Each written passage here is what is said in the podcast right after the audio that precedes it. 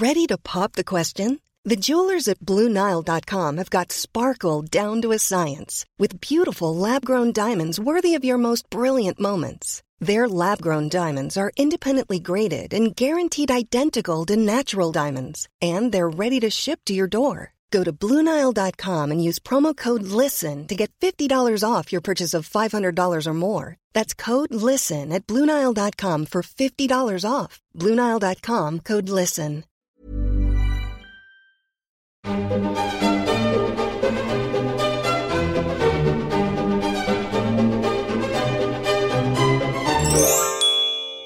Hej och välkomna till Kungligt! Med Jenny Alexandersson. Och Sara Eriksson. Nu ringer jag upp det här mitt i semestern, Jenny. Ja, men det är härligt. Och det gör ingenting. Eh, alltså jag är mitt i ett helt underbart, vackert, superhett eh, Skåne. Eh, alltså det är så fantastiskt. Det är som att vara utomlands. Stränderna är liksom kritvita, klipporna är karga, havet är så ljummet som i ett badkar. Alltså, jag är ju en badkruka av rang. Jag har badat två gånger per dag. Oj. Alltså det är helt ljuvligt. Men du är ju också lite grann på semester kan man säga. Fastän du jobbar så är, så är du på en semesterhärlig ort. Ja men det är jag. Jag har tagit mig hem till eh, mina föräldrar som bor i Nora i Västmanland och eh, som vi pratade om innan vi började rulla här, det är ju verkligen idylliskt och man mår väldigt bra av att bara kunna öppna dörren och kliva ut på en grön gräsmatta och bara njuta. Mm. Det blir, man går ner i varv, man läser böcker när man är ledig och det är väldigt, väldigt härligt. Jag har också badat så mycket. Ja. Är det sjö då i Nora eller är det? det ja det måste det vara. Det. Ja precis, det är Norasjön som jag badar i Norasjön. och den mm. är ju väldigt eh, uppvärmd och härlig nu så att eh, jag har tagit ett morgondopp varje dag och ett minst kvällsdopp. så att det badas på här borta. Ja men så ljuvligt. Ja och idag så ska vi göra ett eh, sommarspecialavsnitt av Kungligt där vi bara ska svara på alla era härliga lyssnarfrågor. Mm. Och vi blir jätteglada när ni skickar in frågor. Fortsätt göra det, för att till hösten så, så fortsätter vi och svara på frågor också. Så mejla gärna din fråga till kunglighetssnabelaaftonbladet.se så ska vi svara på det. Ja, det får ni gärna göra. Mm. Men vi får väl kicka igång här på en gång helt enkelt. Och då har vi först en fråga ifrån Sofia eh, som vi ska svara på. Hon skriver så här. Hej, en sak jag undrat över är vad som händer med allt eh, kungligheterna får av allmänheten. Till exempel när kronprinsessan Victoria tar emot teckningar från barn, kort, blommor, presenter med mera på hennes födelsedag. Spara sådant. Blommorna vissnar ju, men det övriga. Tack för en så bra podd. Ja, men tack själv att du lyssnar. Eh, kungafamiljen tittar på allt och läser allt som de får. Det är ingenting som slängs eller går förlorat. Och man registrerar de här gåvorna i en mapp så att kungen eller Victoria eller vem, ja, vilket födelsedagsbarn det nu än gäller kan då se vad som har getts i gåva. Men, men det är inte så att man för register liksom över vad, vem som gett vad eller vad det kostar. Alltså det är inte det, utan de får se en lista på alla de här sakerna som har kommit och så, och så och tittar de på det också såklart. Och så är det ju så att saker som inte eh, går att använda direkt sådär eller som, som man inte har bruk för, det förvaras i slottets eh, olika förråd. Men många föremål används ju såklart och det kan, de kan ju liksom finnas utplacerade i de olika bostäderna eller slotten som prydnader eller, eller fina minnen och sådär. Så att det är liksom ingenting som går förlorat. Och som, som, som Sofia skriver också i sin fråga, ja, blommor vissnar, men jag lovar, det njuts av blommorna så länge de står. Alltså man vet ju det bara när man har varit vid eh, Victoriadagen som firas på, vid Solidan på Öland. Hur mycket presenter och gåvor som kronprinsessan faktiskt får ta emot. Det är ju mm. otroligt. De går ju med så stora korgar när de tar emot allting. Ja, och, och eh, Victoria brukar ju hänga så här barnhalsband och sånt runt halsen direkt. Hon tar ju på sig det där. Ja, jag kommer ihåg, jag tror det var i samband med hennes 40-årsdag, då fick hon en helt fantastisk målning. Eh, jag tror att det var en konstnär som hade flugit till eh, Öland ifrån Tyskland och den tavlan är jag helt övertygad om att den någonstans pryder slottets väggar för den var helt otrolig. Ja, vad häftigt. Då hade han åkt dit bara för att eh, ge den till henne då? Ja, och eh, jag blev så intresserad så jag pratade med honom och fotade både konstnären och hans tavla. Eh, och så började jag följa hans Instagramkonto så jag tror att han blev, han var nog väldigt nöjd och stolt över att få ge den till kronprinsessan och hon blev så glad. Man såg verkligen det. Mm. Härligt. Mm. Här har vi en fråga från Sofie. Hon skriver så här. Hej, tack för en mycket intressant och hemtrevlig podd.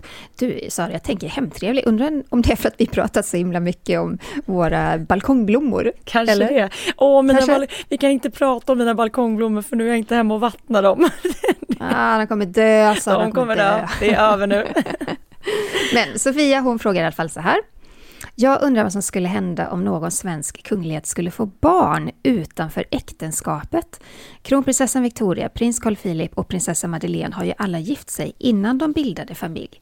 Men hur skulle reaktionen ha varit om de gjort tvärtom? Och bildat familj först utan att ha varit gifta? Finns det en konservativ tradition inom det svenska kungahuset, så att säga den rätta ordningen med äktenskap först och familj sen?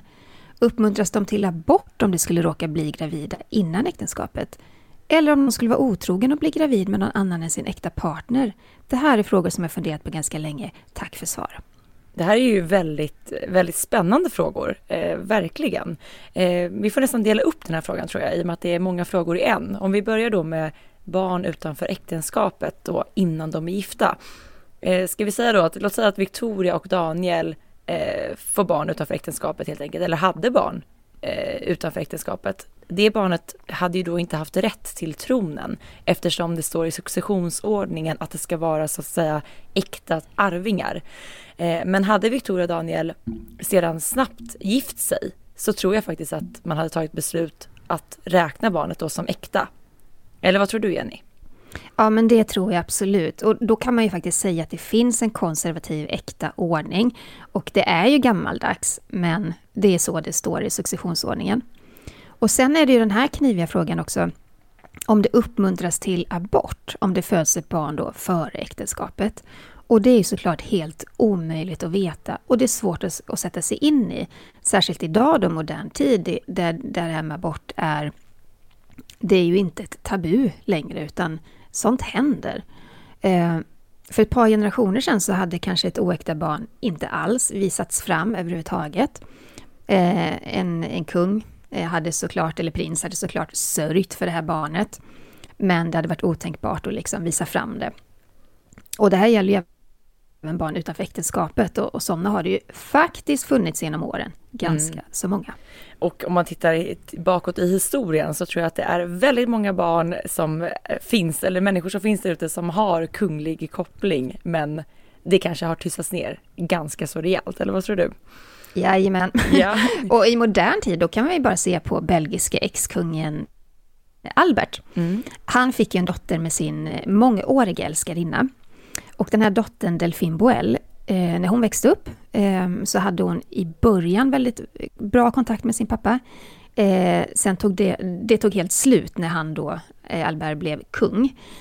Eh, det har hon lidit ganska hårt av. Eh, hon krävde då i vuxen ålder ett faderskapstest och ganska mycket krångel från kungens sida. Till slut då så tvingades han ta det här testet eh, via en rättslig process. Och då kunde man se att han faktiskt var pappa till Delphine Boel. Eh, och det är ju så att rätten dömde till dotterns fördel. Hon har idag både en kunglig titel, alltså en, en prinsesstitel, eh, och hon har rätt att ärva sin far. Och Sara, det här pratade vi mycket om när det var aktuellt. För att vi trodde inte riktigt att, rätt, att liksom rätten skulle gå in och se till att hon fick en, eh, hennes kungliga högertitel. Nej, vi var ju väldigt övertygade om att, att rätten skulle då påvisa det vi alla nästan visste kan man väl säga, att, eh, att ex-kungen var far till henne. Men vi hade ju svårt att se att hon faktiskt skulle bli titulerad som prinsessa. Och mm. idag ser vi ju henne som en del av kungafamiljen. Vi har ju sett henne vid flera eh, officiella sammanhang faktiskt, där hon då tillsammans med sina syskon eh, representerar kungahuset. Så hon har ju verkligen fått en, en vändning och också, vad ska man säga? En upprättelse kan man säga. Ja, en upprättelse och ett erkännande ifrån både ex-kungen men även hela kungafamiljen såklart. I och med att hon har ju kämpat för det här hela sitt liv. Och eh, det ska sägas att hon har ju blivit väldigt illa behandlad just för att, som du sa Jenny, hon hade en väldigt god relation med sin far i början av sin uppväxt som sedan då kapades helt. Eh, När henne. han blev kung. Ja, ja. Eh, och liksom, då ville han inte ha någon kontakt med henne och inte ens veta av sin dotter. Eh, vilket måste ha varit fruktansvärt för henne. Och då får och sen, den här upprättelsen ja. måste betyda väldigt mycket för henne. Hon har verkligen krigat och kämpat för den hela sitt liv. Men det tror jag. Och sen är det ju sådär att det var ju först när eh, kung Albert abdikerade till förmån för sin son. Eh, ja, nuvarande kungen är ju då kung Filippe, sonen då. Det var ju först då som eh, det kunde bli en rättegång för att då, då förlorade han ju sin åtalsimmunitet och man kunde faktiskt ställa honom till svars för saker. Så det är också en väldigt lång väntan för henne för att så länge han var kung så kunde ju Delphine Boel egentligen inte göra någonting och inte tvinga fram någonting.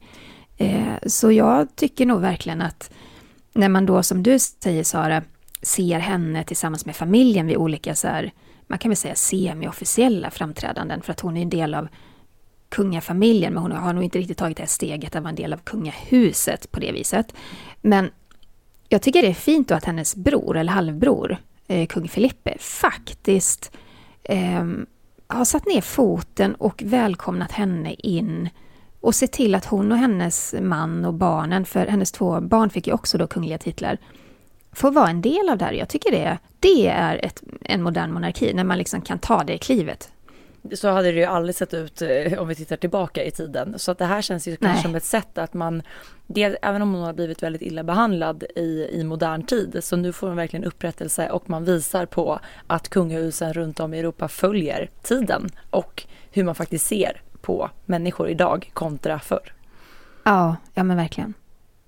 Ska vi ta ja. en annan fråga? Det är från en okänd eh, avsändare här. Eh, som Jag tror att den har kommit via Instagram. Mm, kanske kanske så det är.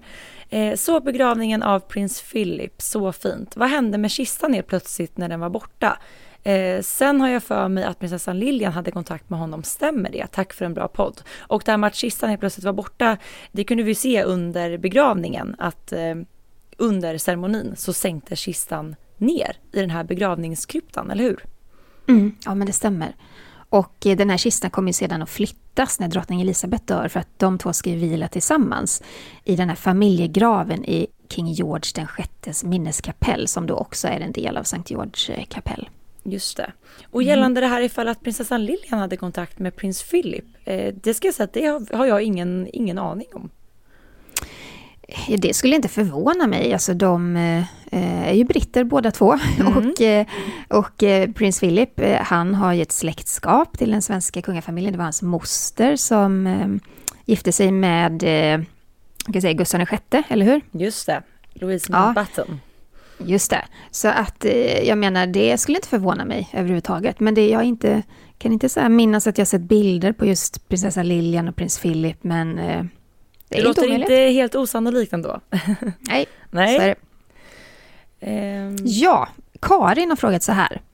Hej, vad innebär den här så kallade drottningsskolan? Vad är det Estelle egentligen ska plugga? Eh, man såg på film på nationaldagen förra året att de tittade på foton på gamla kungligheter. Mm. Alltså Drottningsskolan är väl egentligen en titel som kanske media då, eller vi har valt att kalla den. Det är ingenting som kungahuset själva direkt använder, att den heter specifikt Drottningsskolan.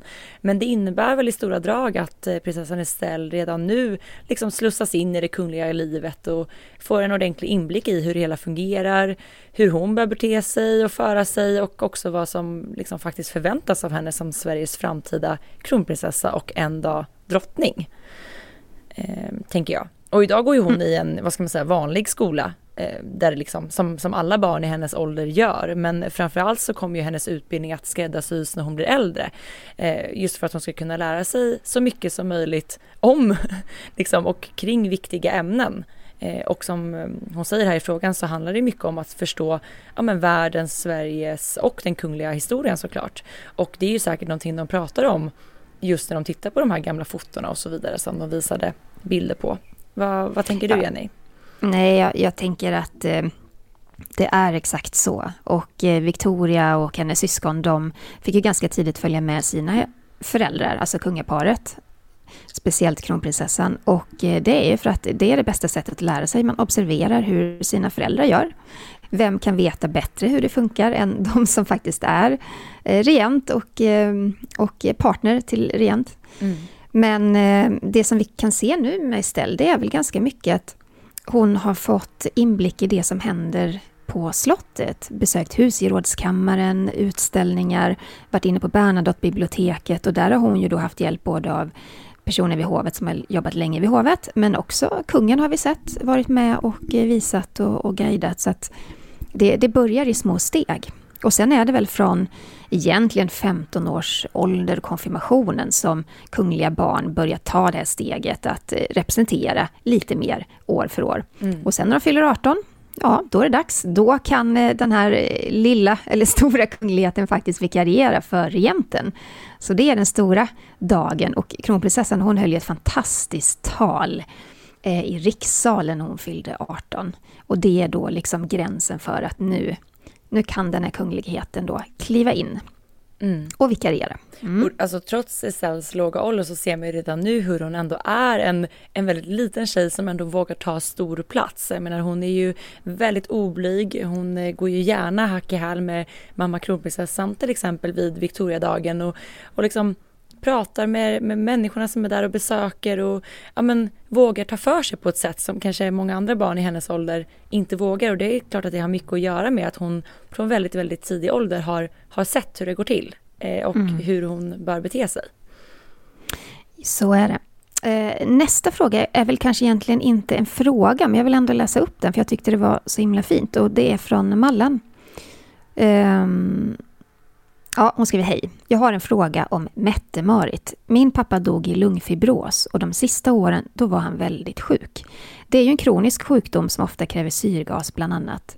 Mette-Marit ser alltid så pigg och glad ut, men när jag fick veta att hon fick lung, fått lungfibros, då blev jag väldigt ledsen för hennes skull. Ja, vi kan väl bara hålla med Mallan att eh, när det gäller så här allvarliga sjukdomar, vem den drabbar, kunglig eller ej, så är det fruktansvärt. Mm, verkligen. Och som hon säger, Mette-Marit har ju eh, stundtals varit ifrån sitt eh, kungliga arbete på grund av sin sjukdom. Men som hon också skriver så, så ses hon ju allt som ofta så hon ser väldigt pigg och glad ut. Så vi, vi hoppas ju såklart att hon, hon trots sin sjukdom mår bra och att hon får fortsätta göra det. Men som hon skriver, man vet ju inte hur, hur det kommer att drabba henne på lång sikt. Så är det. Mm. Eh, vi ska ta en fråga ifrån Anna Eklund som skriver så här. Hej, finns det något kungahus som fortfarande har kvar hovnigningen? I så fall vilka? Tack för en underbar podd, den är nummer ett på min lista. Åh, tack själv Anna. Kul att höra. ja, jo, men så här är det. I Sverige så använder inte kungafamiljen någon hovdigning och inte hovet heller. Eh, när vår kung blev kung Eh, så bestämde han att han ville att kungahuset skulle moderniseras. Han bestämde att eh, den här gamla traditionen att niga så djupt att damerna nästan stöter knäna i golvet. Nej, det är alldeles för gammaldags. Det vill jag inte ha kvar, tack och hej. Så det ändrade han faktiskt på. Och det var, det var flera lite så gamla traditioner som, som kungen faktiskt moderniserade. Men om vi då liksom tittar ut över Europa så visst används det hovnigningar, alltså kanske har vi sett det mest i Storbritannien, där de niger väldigt djupt för drottningarnas drottning, men också i Spanien och eh, vi ser det även i Danmark och det händer väl även i Norge, eller hur? Mm. Men jag skulle säga att det man, det man känner så riktigt, i Storbritannien känns det inte som att det finns någon fundering på att eventuellt ta bort en hovnigning och eh, det äh, känns även som danska drottningen är ganska så konservativ när det kommer till just det. Eh, så där är ju verkligen Sverige i framkant får man väl lov att säga och att kungen valde att göra det redan då eh, kändes ju väldigt modernt. Jag känner också och tänker ganska ofta att det, jag, jag, tycker att det är en viktig symbol att ha tagit bort det på det viset att man minskar avståndet lite grann mellan folk och, och de kungliga och det sker inte på bekostnad av någon respekt eller någonting utan det är bara åt motsatt håll tycker jag att kungen visar att här går det fint, ta i hand och säga goddag, precis som man gör med alla andra. Mm. Um, och det gillar jag. Jag gillar att det blir eh, att det hänger med i tiden. Och också just att, att det hade att göra med som du sa det här med att äldre damer inte skulle behöva liksom knäcka knäna när man ska ner eh, mm. nästan till marken med ena knät. Så att det, det, var väl en fin gest ifrån kungen. Vi får se ifall att det är fler kungahus som hakar på detta. Eh, som sagt i Storbritannien tror jag aldrig att det kommer att ske. Nej, alltså om man ska förklara en hovnigning också så är det väl i alla fall för damer så att man sätter det ena benet ganska långt bakom det andra. Mm. Och sen böjer man sig så långt ner som det bara går. Jag har sett damer nudda knät med, med marken. Eh, och så böjer man lite på huvudet. Så det är väldigt så här, underdånigt sätt att, att hälsa på en, en annan människa. Oavsett alltså, kunglig rang. Liksom. Det, det är, jag har faktiskt testat att göra detta i klackskor bara för att se hur svårt det var. Man ska alltså placera ja. höger ben alltså i en rak linje bakom vänster fot. Eh, sen mm. ska jag alltså knät nästintill bara några centimeter ovanför backen och då ska man fortsatt hålla ryggen rak så man inte ser ut som en hösäck. banan. Banan, banan vill man gärna se ut som. Och sen ska man då alltså böja sig så pass lågt att liksom huvudet nästintill snuddar eh, vänster knä. Och sen ska ja. man då elegant ta sig upp igen. Eh, ja, nej, nej. Det är svårt. ja, otidsenligt tycker jag också. En del gillar det, men jag tycker det. det ja. Mm. Men eh, Saga frågar så här. Hej, jag älskar podd och alla kungliga diadem. Vilka är era favoritdiadem? Och Sara, du som är superintresserad av diadem, börjar du. Ja, jag har ju såklart som du förstår svårt att välja, men får jag välja två då? för att mm, korta ner det här. Det. Eh, jag älskar ju det här rubinsättet som kom till Sverige i samband med Desiree Clarys giftermål med Jean Baptiste, senare Karl XIV Johan.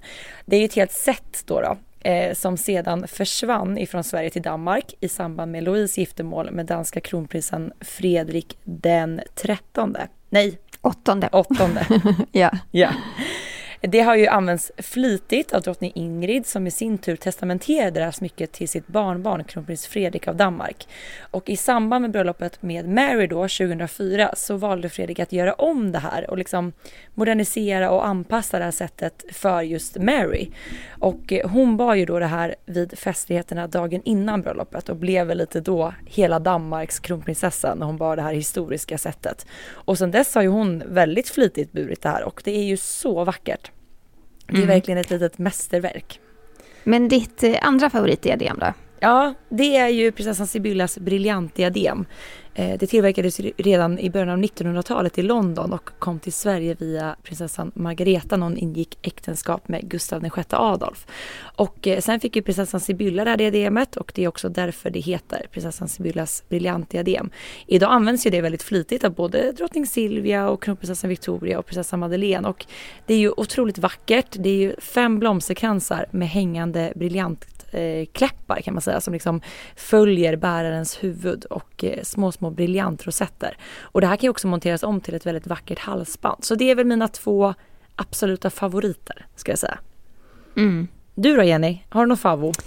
Ja men det har jag och jag har haft det i alla, alla dessa år. Alltså sen jag först såg det i stort sett. Och det är ju prinsessan Sibyllas diadem.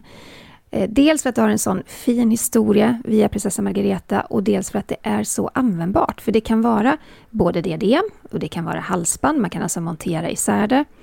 Och så gillar jag just att det är så smäckert och sirligt. Jag har svårt för de här stora, tunga pjäserna och jag är inte heller så förtjust i de här ryska eh, Kokoschnich-modellerna som är mer som ett platt band. Liksom. Mm. Eh, jag gillar när det är alltså, välarbetat, litet konstverk med mycket detaljer. Jag tycker det är så vackert. Jag tycker det är så snyggt just med det att de här briljantkläpparna liksom hänger lös. Att det, när man till exempel ser det på Nobelmiddagen och liksom man ser hur det liksom följer verkligen bäraren och det ser inte ut att vara så ansträngande att bära det heller. Mm. Eh, det gillar vi. ja. Vi har fått en fråga ifrån Ebba. Hej! Hur tilltalar man nu prins Carl Philip och prinsessa Madeleines barn? Är det ers höghet, eller vad säger man?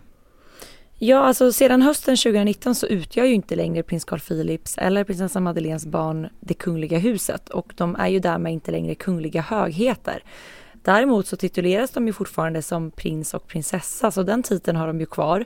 Eh, men hela tanken med att kungahuset minskades och så att säga grenar kapades av innebär ju också att barnen nu ses som mer privata personer med ett friare liv. Så ute i det här kommande arbetslivet som ändå väntar dem så kommer ju inte någon, någon titel att användas i deras namn. Nej. Nej, och jag tänker också att eh, om de då förekommer i så semi-officiella sammanhang där det kanske är fokus på familjen som födelsedagar och jubileum och sådär.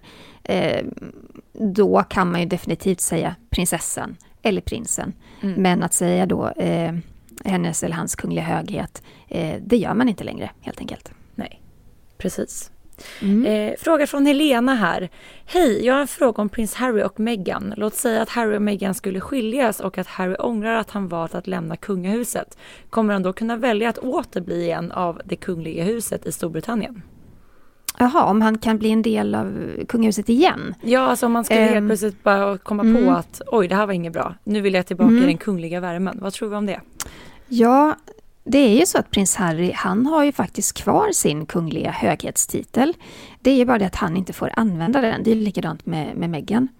Och är det så att han skulle ångra sig och vilja bli en del av kungahuset igen och, och jobba och representera för brittiska kungahuset, eh, Ja, alltså det, det skulle nog vara en väldigt lång process, för att, i alla fall just nu, för att vi minns ju alla den här kontroversen, och kontroverserna får man väl säga i plural, ja, eh, och utspelen i media med attacker mot kungafamiljen och medlemmar i kungafamiljen. Eh, så kan det nog ta sin tid i så fall. Men sen är det ju så att rent eh, regelmässigt så ja, då står ju fortfarande den kungliga dörren på glänt, för drottningen har ju inte, hon har ju liksom inte stängt den helt. Um, och det är ju ganska intressant för att skulle det vara så att han ångrar sig, eh, då är det så att han har ju kvar de här höghetstitlarna. Ehm, han skulle nog kunna bli välkommen in tillbaka i värmen igen, det tror jag. Men frågan är hur lång tid det skulle ta och, och hur liksom övriga familjen skulle hantera det. För att eh, jag tror att drottningens tanke med att låta honom få behålla höghetstitlar, och även då Meghan i och för sig, eh, det är ju just det att det känns som ett drastiskt beslut det här med att, att de lämnade. Eh, de hade själva tänkt igenom det, det har de ju pratat mycket om länge då. Men eh, det är ju ändå, det är ändå ett stort beslut för en kunglighet att lämna hela det här livet bakom sig. Så att jag tror nog att drottning Elisabeth eh, hade en baktanke med att inte beröva dem på några titlar mm. än så länge i detta läge där är ju jätteintressant, alltså bara tänka den tanken att det skulle hända. Eh, det vore ju helt otroligt men idag så känns det ju som att det aldrig kommer att hända i och med att Harry så uppenbart inte vill vara en del av det brittiska kungahuset och inte alls känns särskilt intresserad av den kungliga världen. Eh, men låt säga om det skulle hända så är det väldigt, väldigt kul att, att tänka hur, hur det skulle gå till. Särskilt med tanke mm. på allting som har hänt. Ja men verkligen. Eh, vi har fått en fråga ifrån Anneli. Hon skriver så här. Hej, varför har 19 juni blivit ett kungligt bröllopsdatum?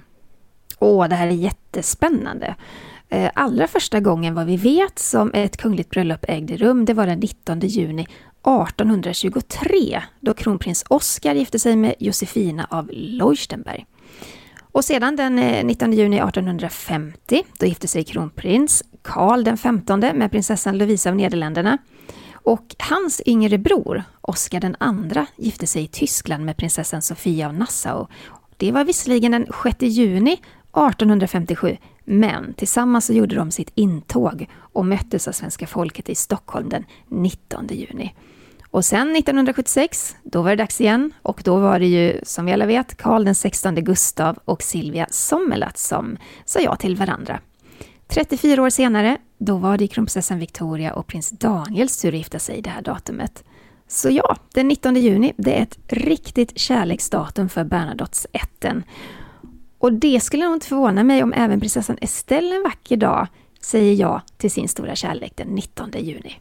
Nej, då är ju också Sverige som allra vackrast och uppenbarligen ligger någon form av kärleksdimma, kunglig kärleksdimma över det här datumet och som vi brukar säga Jenny, mellan Heigo och Syrén är ju Sverige som allra vackrast och det känns som att vädret alltid har varit på deras sida vid de här bröllopen. Så att ja, 19 juni lär vi se mer av i framtiden.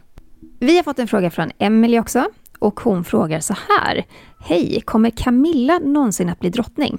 Och då menar hon såklart då eh, Camilla eh, som är gift med prins Charles i mm. Storbritannien. Precis, för den dagen som drottning Elizabeth lämnar jordelivet så är det ju hennes son prins Charles som kommer att bli kung. Och eh, vanligtvis då så blir ju då en kvinna som är gift med en kung blir då Queen Consort, alltså gift med kungen. Man kan även bli Queen Regent, alltså drottningregent som drottning Elizabeth själv är i egen person. Och eh, vad är det mer Jenny? Queen Eh, ja, de brukar säga drottningmoder Precis. och då är man alltså mamma till den eh, regerande monarken. Och det kan ju vara, då kan man vara änka till exempel, eller det är nog högst, högst troligt att man är änka. Ja. Eh, därför man, man har en gång varit och gift med en kung. Sen är det då eh, ja, men sonen eller dottern som tar över. Och då är man eh, drottningmoder. Och det såg vi ju till exempel drottning Elisabeths mamma. Hon blev ju, kallades ju för drottningmodern mm. efter att Elisabeth tagit över tronen. Men regelmässigt så har ju faktiskt Camilla rätt till att då ta titeln Queen Consort den dagen som Charles blir kung. Men i samband med Charles och Camillas bröllop 2005 så klargjorde de redan då att Camilla inte kommer att ta den titeln utan istället då bli Princess Consort. Eh, det här valde paret att fastslå mycket på grund av den här kontroversiella och kanske lite ifrågasatta relationen som de hade till viss och kanske till viss del fortfarande har också eh, på grund av Charles äktenskap med Diana och ni vet allt som varit kring den och är med hela eh, Charles, otroheten. Och, eh, Charles och Camilla otroheten och allt vad det är. Och tidigare i år så släpptes ett uttalande ifrån, ifrån Clarence House där de återbekräftade det här. Då skrev de så här, citat. Avsikten är att hertiginnan ska tituleras som Princess Consort när prins Charles tar över tronen. Detta tillkännagavs vid tiden för äktenskapet och det har inte skett någon förändring sedan dess. Slutcitat. Vad tror vi det här beror på eh, Jenny, har det lite att göra med samma sak som att Camilla inte vill använda titeln prinsessan av Wales för att den då förknippas för mycket med Diana? Det tror jag absolut. Eh, att det har jättemycket med det att göra. Och, att, och det är väldigt fint ifrån Camilla och Charles sida tycker jag att man visar en respekt för en kvinna som blev väldigt illa behandlad under äktenskapet, som dog under väldigt tragiska eh, till, eh, förhållanden och som var väldigt, väldigt älskad av det brittiska folket. Hon var ju verkligen folkets prinsessa. Och jag tror att man har gjort väldigt klokt i att om han nu då väljer att gifta sig med Camilla, sin stora kärlek, men som var nummer tre, en tredje person i det här äktenskapet, eh, att man verkligen visar den här respekten. Så jag tror att det handlar jättemycket om det faktiskt. För det är klart att när Diana levde och när hon levde ihop med Charles så pratade man såklart om hennes framtida titel och då var ju det såklart på tapeten. Så att eh, det förknippas ju mycket fortfarande med Diana såklart. Så att eh, som du ja. säger, det är nog ett smart drag att ligga lite lågt på den fronten. Ja, för det var ju också så vid skilsmässan, så egentligen var det ju så att Diana inte hade rätt till någon titel när hon lämnade kungahuset och kungafamiljen. Eh, men där hade faktiskt prins Charles klivit in och också med drottning Elizabeth och sagt att ja, vi tar bort hennes, hennes kungliga höghetstitel, fine, men hon kommer få behålla Princess of Wales. Och det är ju också för att hon var mamma till Storbritanniens bli, blivande kung. Mm. Alltså man gjorde ju så även i Danmark när prins Joakim och Alexandra skilde sig, att hon blev ju grevinna Eh, hon, ta hon tappade sin prinsesstitel och allt det där, men de gav henne då en grevinnetitel. Och jag tycker ändå att, ja, minst det liksom. Mm. Allra minst. För mm. att eh, det är ändå en kvinna som har gett en stor del av sitt liv till att uppfostra de här kungliga barnen och en dag ska en av sönerna eller döttrarna då bli regent i det här landet. Så att absolut, jag mm. tycker det är rätt. Det känns helt rätt. Mm. Eh, vi ska ta en fråga från Moa här, eh, apropå Diana-spåret. Eh, vad tror ni att Diana hade tyckt om sönernas konflikt? Jag tror hon hade varit fruktansvärt ledsen. Eh, jag tror att det nog kanske hade knäckt henne lite grann. För att det är ju ändå så här att de här två bröderna, de har i stort sett bara varandra i den här rollen och i vetskapen hur det är att vara kunglig och hur man kan hantera saker i livet som, som kunglig. Eh, sen är det också så att efter att prinsessan Diana dog så kom de här två bröderna att stå varandra oerhört nära. Alltid stöttat varandra. Och eh, om hon nu skulle se hur sönerna då eh, behandlar varandra, eller hur de är mot resten av familjen, och nu pratar jag kanske mest fr från Harrys sida då. Nej, jag tror att hon faktiskt hade tyckt att det var oerhört sorgligt. Mm. Och jag tänker också så här att hon då åter hade sett, eller kanske ser, det vet vi inte, hur den här kungliga världen liksom tagit knäcken på ytterligare en relation. För det var ju exakt mm. det den gjorde för Diana själv. Inte minst eh, för hennes relation till sig själv faktiskt. Att då se hur den även har knäckt sönerna, deras relation som du säger Jenny, som har stått varandra så nära och då inte längre gör det på grund av ja, men att Harry helt enkelt spakat bakut mot hela den här sfären. Mm. Um, för det handlar ju ändå om hur, hur, alltså mycket om hans egna välmående och också hur Meghan har mått i den här sfären hon liksom Diana precis som gifte sig in i det hela och tycker att den är för kall och för hård eh, för att klara av det.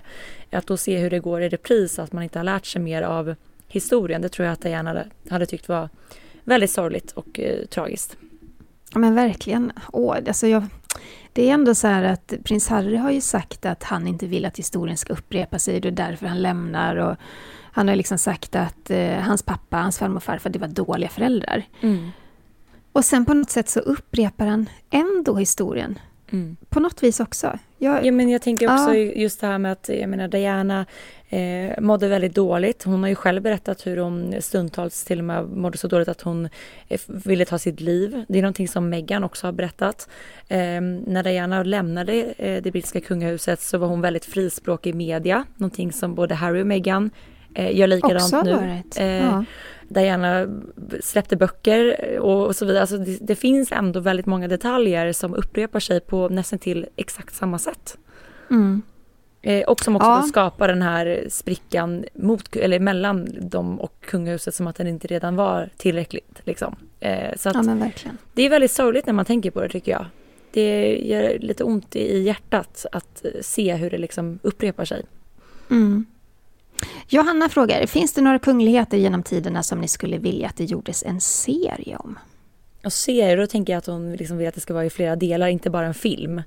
Ehm, ja, men jag hade tyckt att det var väldigt intressant med en serie om Grace Kelly, alltså förstinnan av Monaco. Och sen skulle man inte vilja ha en serie om drottning Margrethe av Danmark, Jenny. Hade inte det varit kul? Jo men verkligen, hon är ju en sån färgstark Mm. och verkligen personlig eh, regent. Det hade jag jättegärna sett. Jag, alltså jag återkommer ofta till det där, men jag glömmer aldrig när jag träffade henne då på det franska slottet Caix. Eh, och eh, det, det första som händer när man kommer dit är att man får ett glas vin i handen, väl, välkomnas upp på deras fina lilla terrass där vid slottet och eh, sen minglar hon och eh, eh prins Henrik runt bland, bland alla gäster som att eh, Ja, alltså det jag har svårt att se kung, vårt kungapar göra på samma sätt. Så att hon är ju också den här drottningen som eh, var den enda som fick röka på teatern. Hon var den enda just som... Eh, ehm, ja, men hon också har en, en annan karriär bredvid sitt regentskap och det är ju liksom att skapa eh, skapa, vad heter det, dräkter och eh, kläder till olika eh,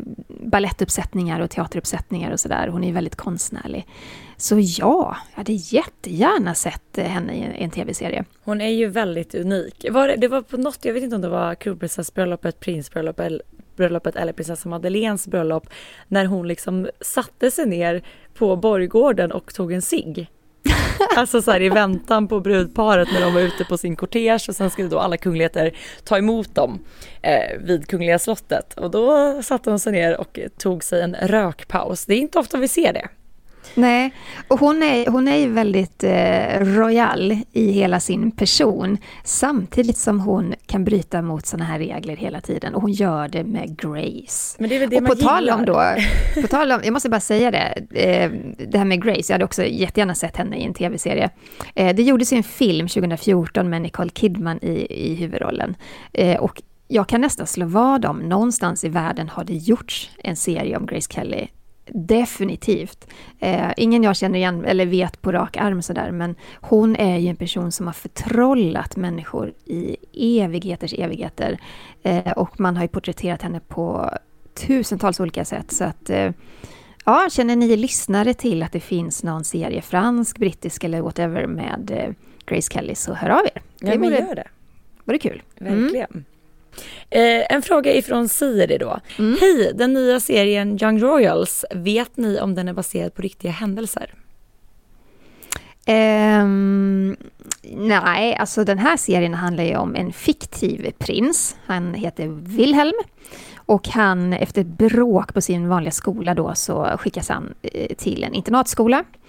Och där är det lite svårt för honom att hitta sin kungliga roll och han kämpar liksom för att eh, hitta sin plats och tackla den här pressen. Eh, Så den, nej, den är inte baserad på några riktiga händelser. Men, alltså jag, Men det är jag, klart, eh. alltså när jag tittar på den serien, jag har sett nu kanske varje två och ett halvt avsnitt. Eh, Mm. Jag tycker liksom att det känns som att den här karaktären då, Wilhelm, är en blandning av tre svenska kungligheter. Eh, Prins Carl Philip, kung Carl XVI Gustav och Gustav den femte i en person. Oh, på vilket sätt då? ja men det känns liksom som att, eh, jag vet inte, den här unga Wilhelm, han har lite svårt att, att hitta sin kungliga roll och liksom vad som förväntas av honom.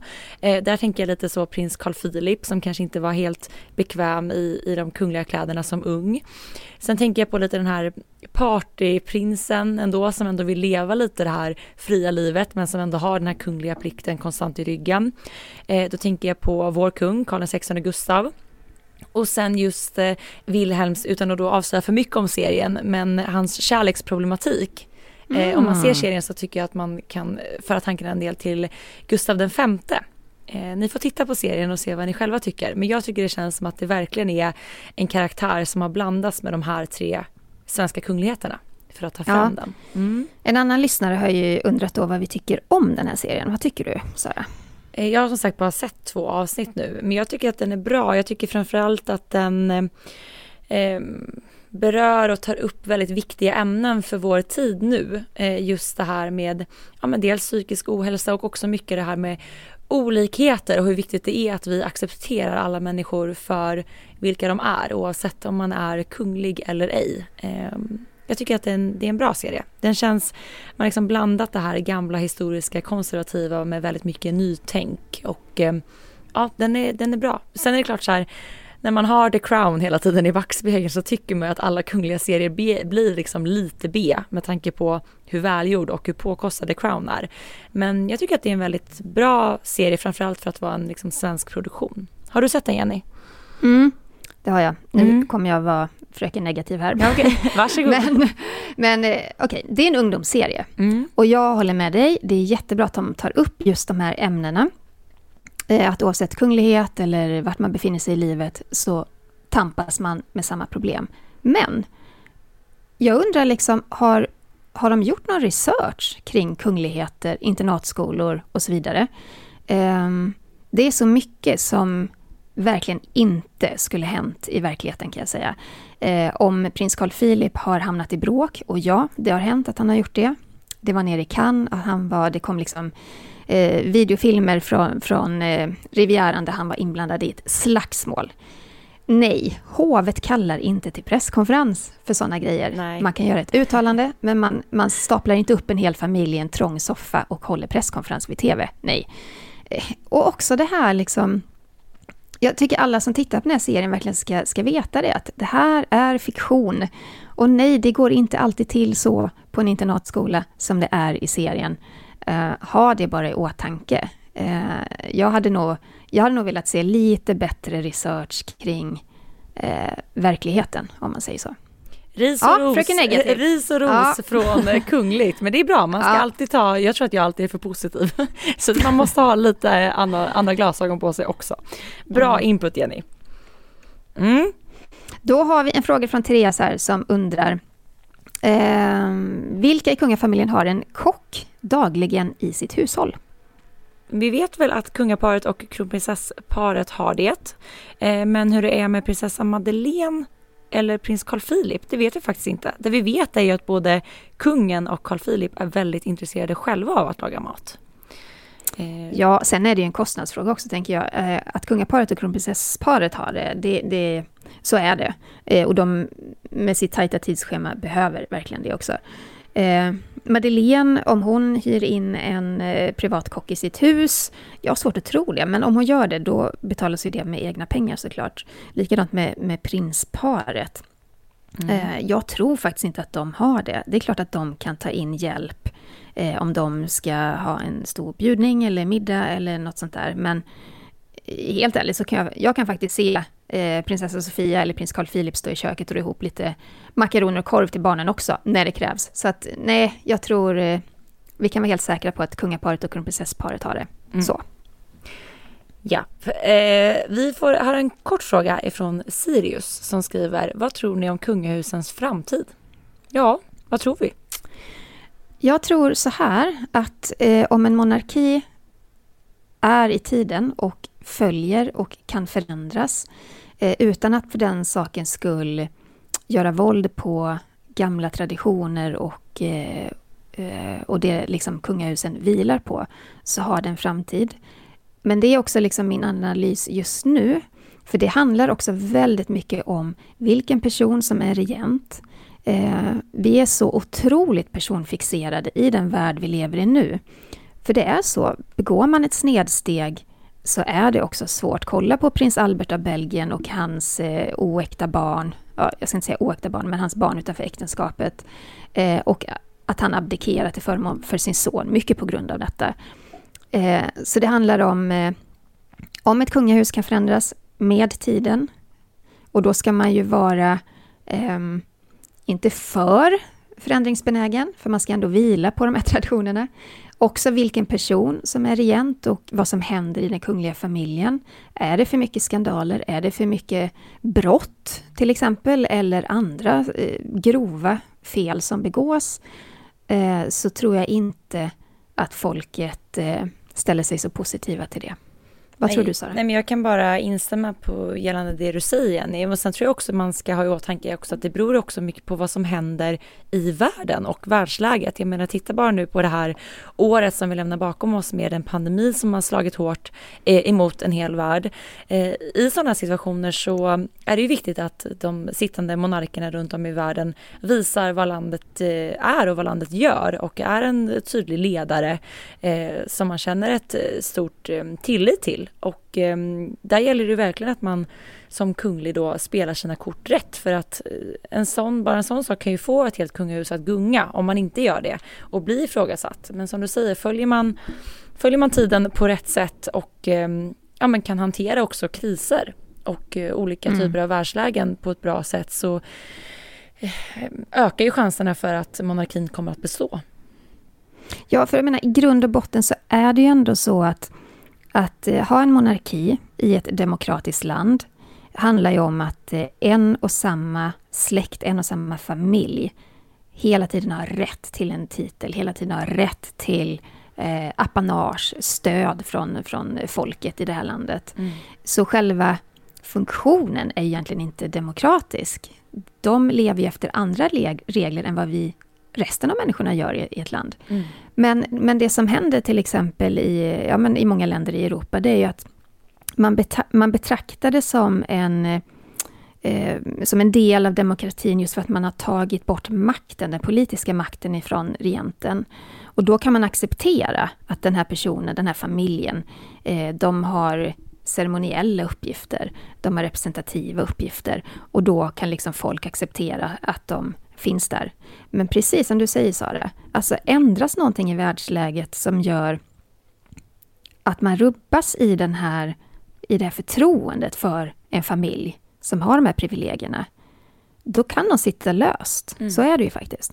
Jag tänker bara på den gången som, en av de gångerna som drottning Elizabeth har blivit som mest ifrågasatt eh, i modern tid. Det är ju liksom då när, när Diana omkom i den här olyckan i Paris 1997 och eh, drottningen vägrade att göra ett uttalande utan hon fortsatt befann sig på Balmoral i Skottland och vägrade säga någonting och det fick ju faktiskt den brittiska monarkin att gunga rejält eh, ska mm. sägas och det slutade med att folket också fick som de ville och eh, drottningen höll det här historiska talet inifrån Buckingham Palace med det här blomsterhavet i bakgrunden eh, och på så sätt så faktiskt räddade hon ju monarkins ställning där och då. Så det handlar ju mycket om hur kungligheterna väljer att spela sina kort och agera i sådana här plötsliga händelser som kan uppkomma. Mm. Och sen är det ju så, om man till exempel kollar på, på Sverige, så har det varit ganska djupa eh, kriser för, för vår nuvarande kung också. Mm. Det kanske inte alltid han hanterat det perfekt, men, eh, men jag tror också att mycket av monarkin vilar på tradition och eh, historia, vad folk också är vana vid. För vi ser ju också att ja, förtroendet för kungen går ner när någonting negativt händer. Förtroendet för honom går upp när någonting positivt händer. Och det kan vara barnafödslar, det kan vara dop och bröllop och, och jubileum och sådär.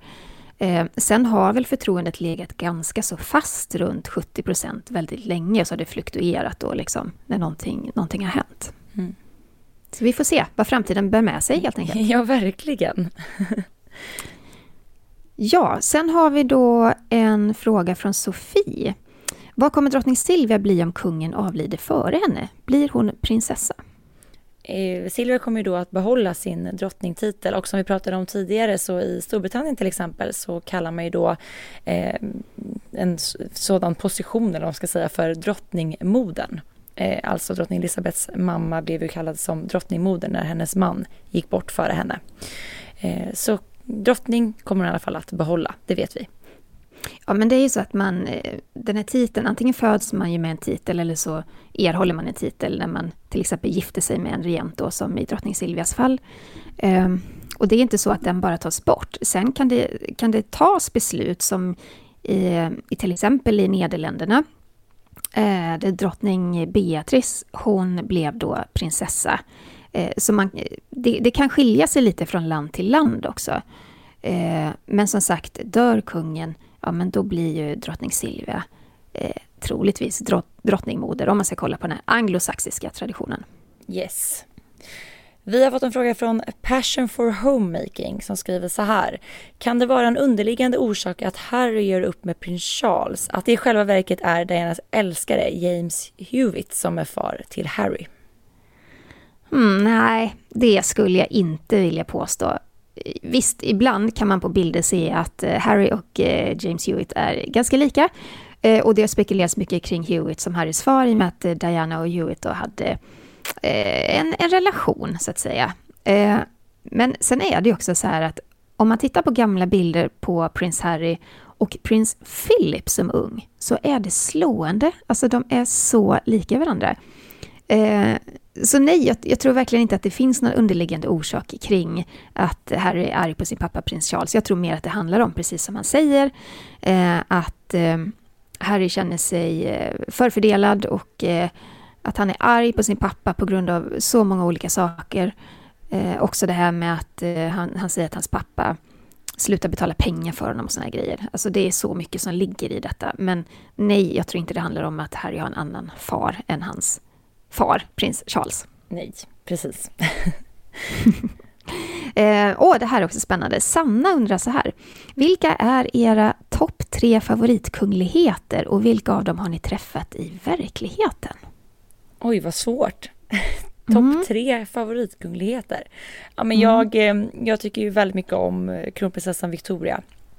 Eh, jag tycker att hon är en väldigt varm och genuin kunglighet som liksom lite så eh, det här mellan det, det mänskliga och det kungliga. Jag tycker att hon är ganska bra på att riva ner muren däremellan och i eh, kronprinsessan Victorias närhet så tycker man att hon känns väldigt, om man får använda ett sånt ord, mänsklig.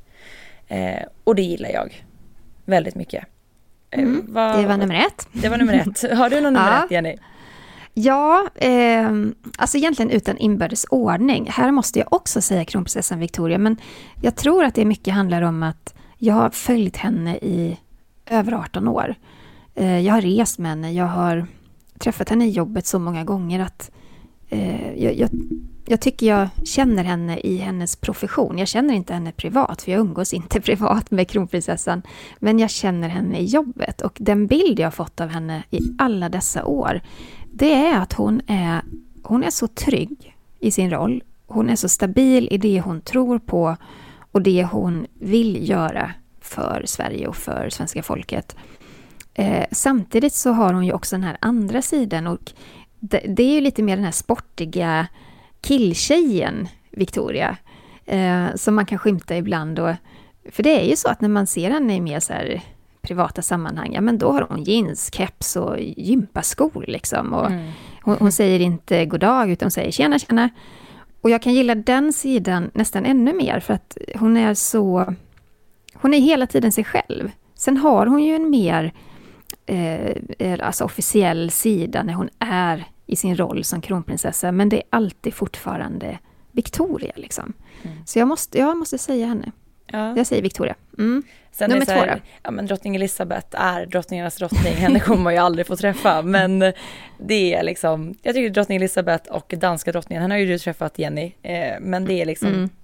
ja men det är liksom, det är the real ones på något sätt. Jag vet inte, det, det är så mycket pampigt kungligt glitter över dessa damer eh, som, ja men det, de, de har en mäktig eh, pondus och status på något sätt. Så det hade ju varit häftigt att få träffa dem, det tycker jag. Ja, ja men jag håller med där. Men sen, sen gillar jag nog också väldigt mycket jag gillar danska Mary, men jag gillar ju henne mest för att hon, eh, hon är så kunglig ut i fingerspetsarna men ändå mänsklig. Alltså, det är så svårt att välja ut. Jag gillar Mette-Marit också mm. för att hon är så jordnära. Och prinsessa Sofia och prins Carl Philip för att de är ett par som, som verkligen eh, har lyssnat in eh, folket och gör saker som... De följer sina hjärtan, men de gör också saker som de vet kan vara bra. Alltså, alltså, det är så svårt att förklara. Kan vara bra i stunden, som när Sofia kliver in då på Sofiahemmet och börjar jobba för att avlasta personal som ska hjälpa till med coronadrabbade. Jag menar, sådana grejer. Det ser man inte så himla ofta nu för tiden. Um, kungligheter jobbar med välgörenhet på, på, ett helt annat plan än att själva gå in handgripligen. Mm. Så att, uh, ja, Svårt jag har många välja. favoriter. många, många favoriter. favoriter. Ja. Men det var några av dem i alla fall. Mm. Mm. Och sen var resten av frågan då, vilka kungliga poddar lyssnar ni på förutom era egna? Royally Obsessed och podd Save the Queen är några poddar som jag faktiskt brukar lyssna på ibland. De tycker jag är bra. Lyssnar du på någon kunglig podd, Jenny? Nej, men nu måste jag ju vara svintråkig. jag gör ju inte det. Nej. Nej, det borde jag kanske göra, men jag, var finns tiden? Jag, jag, jag det, det, går liksom inte. Eh, däremot följer jag följer många kungliga eh, Instagramkonton. Eh, det gör jag. Och där kan jag nog inte liksom peka ut några favoriter heller, för att det är så, jag har så enormt många i mitt flöde.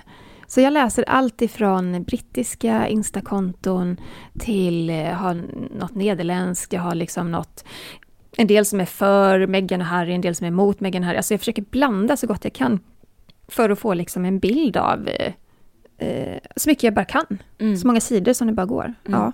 Jag tycker också det är väldigt intressant de här, det finns ju väldigt många kungliga fanskonton som är väldigt snabba på att hitta var och vad kungligheterna bär och var det går att köpa dessa plagg. Det tycker jag är eh, väldigt kul att följa. Mm. Mm. Så är det. Vi har en fråga ifrån Anna-Karin som skriver, hur började ert kungliga intresse? Ja, ja, kungligt intresse. Det kom nog med jobbet skulle jag tro, för att eh, Eh, jag växte upp i en familj där man inte pratade om kungafamiljen. Det fanns liksom inte i vår värld. Det var, det var inte av intresse liksom. Um, så jag började min journalistiska bana på en eh, tjejtidning som heter Frida. Eh, och där var jag ganska ung när jag började jobba. Och när jag blev för gammal så kände jag så här att nu ska jag hitta det precis motsatta till den här tjejtidningen. Vad är det? Jo, men det är ju en damtidning. Så jag, jag sökte jobb på Svensk Damtidning. Och då var ju mitt jobb där egentligen som nöjesjournalist. Men när den dåvarande hovreporten eh, var iväg på något jobb eh, så behövde de en stand-in till en resa som kronprinsessan skulle göra till Saudiarabien. Och då skickade min chef mig det, var, det ska jag berätta i någon annan podd någon gång. Det var en fruktansvärd resa. Det Vi vill höra allt fall. om den Jenny. Vi måste ja. ha ett stort avsnitt bara om den här resan. Ja, bara ta sig in i landet var en mardröm. Eh, ja, whatever. Hur som helst så var mitt krav, eller chefens krav då att du ska komma hem med en intervju med kronprinsessan Victoria.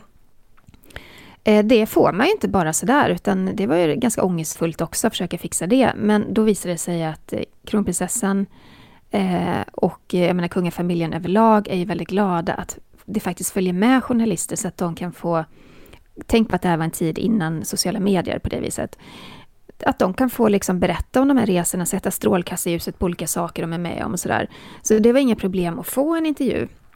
Och sen då jobbade ju också eh, hovmarskalk eh, Elisabeth Harras eh, Wahlberg med kronprinsessan. Och hon är en klok människa som också såg vikten av att eh, kronprinsessan fick dela med sig.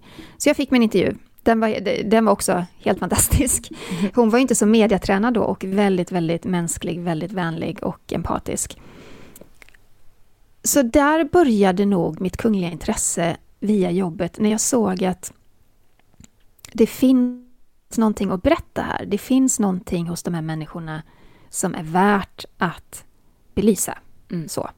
Långt svar. Men eh, Spännande. Nu vill, jag höra, nu vill jag höra ditt svar Sara. Hur blev du intresserad? Ja men för mig, om du säger att du, ditt intresse kom via jobbet så var det nog helt tvärtom för mig faktiskt. Att jag hade eller jag har alltid haft ett enormt intresse.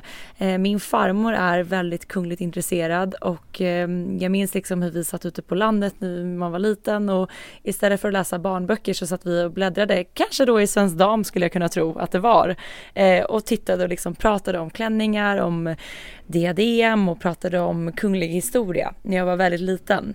Eh, och eh, om vi tittar ännu längre tillbaka så var ju liksom min högsta dröm att bli prinsessa.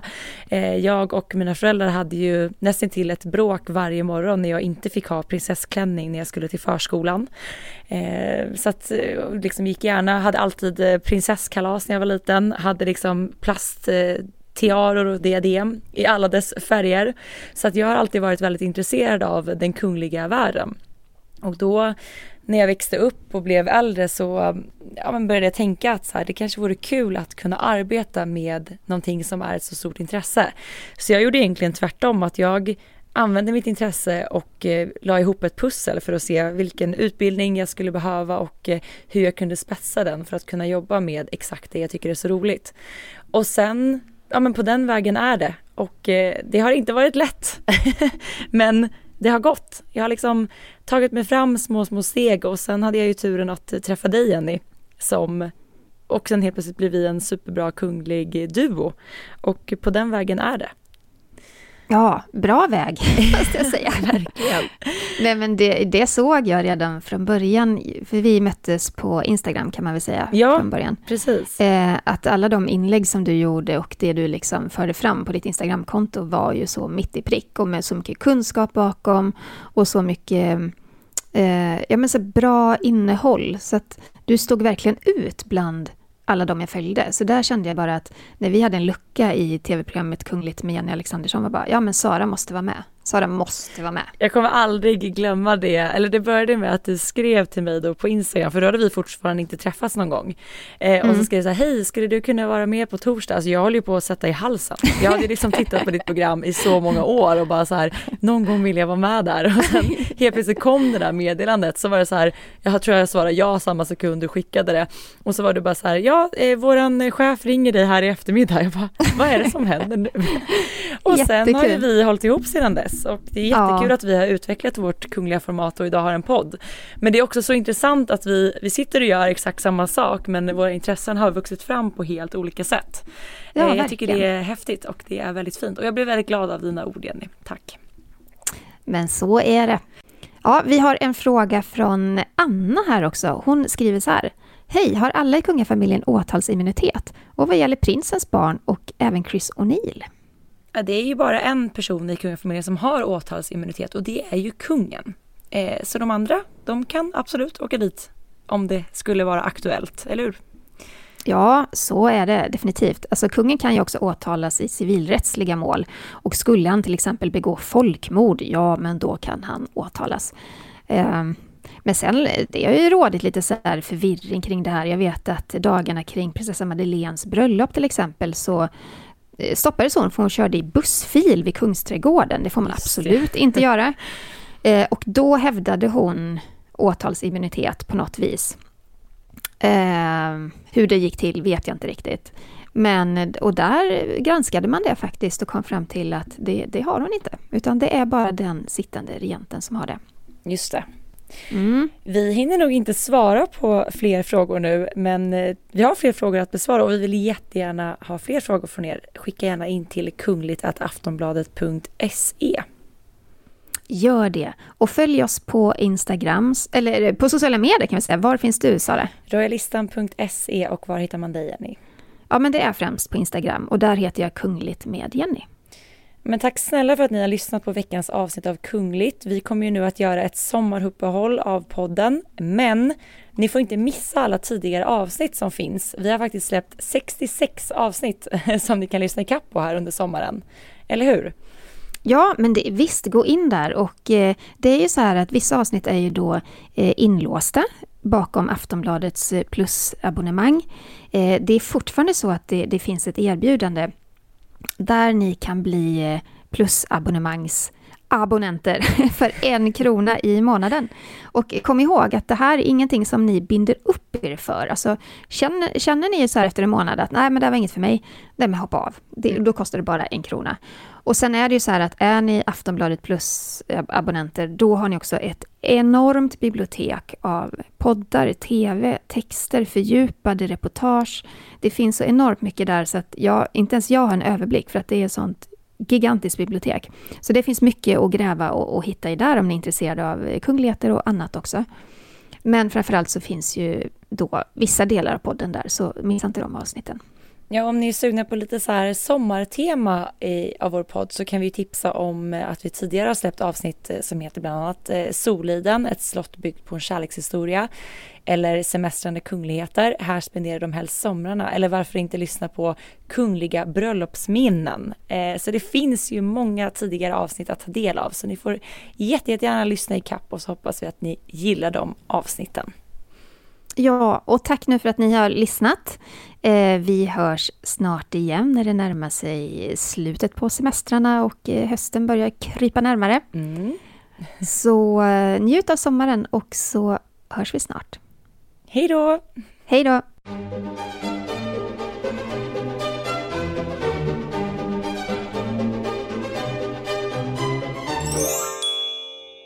Du har lyssnat på en podcast från Aftonbladet. Ansvarig utgivare är Lena K Samuelsson. When you're ready to pop the question, the last thing you want to do is second guess the ring. At BlueNile.com you can design a one-of-a-kind ring with the ease and convenience of shopping online. Choose your diamond and setting. When you find the one, you'll get it delivered right to your door. Go to Bluenile.com and use promo code LISTEN to get $50 off your purchase of $500 or more. That's code LISTEN at Bluenile.com for $50 off your purchase. Bluenile.com code LISTEN.